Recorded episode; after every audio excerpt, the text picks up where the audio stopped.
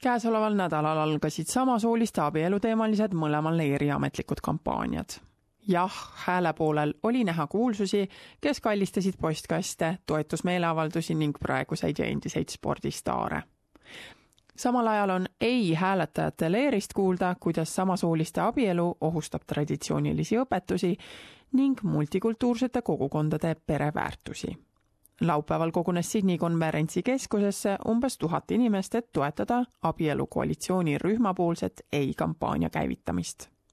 üks põhiesinejatest oli senaator Cory Bernardi, kes on endine liberaal ning kes alustas omaenda parteid nimega Austraalia konservatiivid ta ütles publikule, et kui riik määratleb abielu definitsiooni uuesti, siis see määratleb ka selle, kuidas inimesed võivad abielust rääkida, mõelda, sellega võidelda ning selle kohta We've seen firsthand in recent weeks how free speech is threatened and eroded, and the law hasn't even changed. We are under assault because we're on the right side of legal and moral history. And just this week,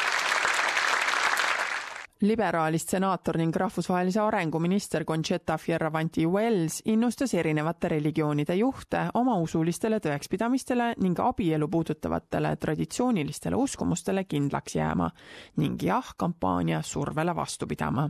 ta ütles, et paljud immigrandid muretsevad seaduse võimaliku muutmise pärast ning hääletavad seega ei. Migrants have come from the four corners of the globe, bringing with them a fierce determination to succeed but also a set of values and beliefs based on family, faith, and hard work. Hard work, self reliance, respect, but above all, a respect for the traditional family unit as the cornerstone, which has become the cornerstone of success for so many migrant families. Ta ütles, et hoides abielu nii, nagu see on, kindlustab Austraalia jätkuva õitsengu mitmekultuurilise rahvana. But above all, where they can practice their faith and where they can raise their family according to long-held convictions, beliefs and culture. This is what makes us one of the most uniquely multicultural societies in the world. And can I say to you, I am so proud to stand with you and with millions of my fellow Australians who will be voting no.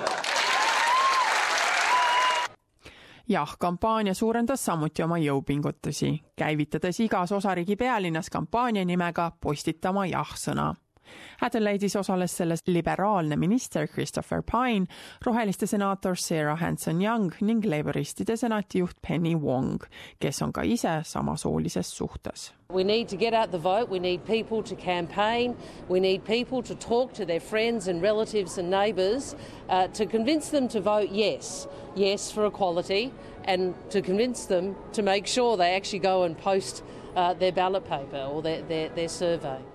Paini sõnul võtab valitsuskoalitsioon Austraalia usulist vabadust väga tõsiselt ning ei-kampaania eksib, kui nad arvavad, et see on rünnaku all. There are people in this debate on the no side who want us to be frightened of the otherness in our community. Uh, that has been a, a hallmark of uh, uh, ultra conservatives for centuries to, to sow fear uh, in the community. Uh, we live in a world today where we reject that kind of fear. Uh, and if Senator Bernardi or anybody else thinks that that is the best way to get a no vote by negatively campaigning, well, good luck to them. But I'm campaigning on the side of positive social change. Näitleja ja humorist Magda Zubanski avaldas sotsiaalmeedias Melbourne'i meeleavaldusel oma jah-sõna saatmise foto ning tal on sõnum kõigile austraallastele, kes pole selles küsimuses veel otsust teinud. I hope with all my heart that you will vote yes because I believe in the institution of marriage, that's why I'm here. Um, I was raised in a family, my parents were married for 58 years, and I would hope that if I meet the woman of my dreams, that I could have that same uh, institution there to back me up and support me, and I would hope that you would want that for me too. kõik küsitlused peavad seitsmendaks novembriks tagasi statistikabüroosse jõudma ning hääletuse tulemused avalikustatakse nädal peale seda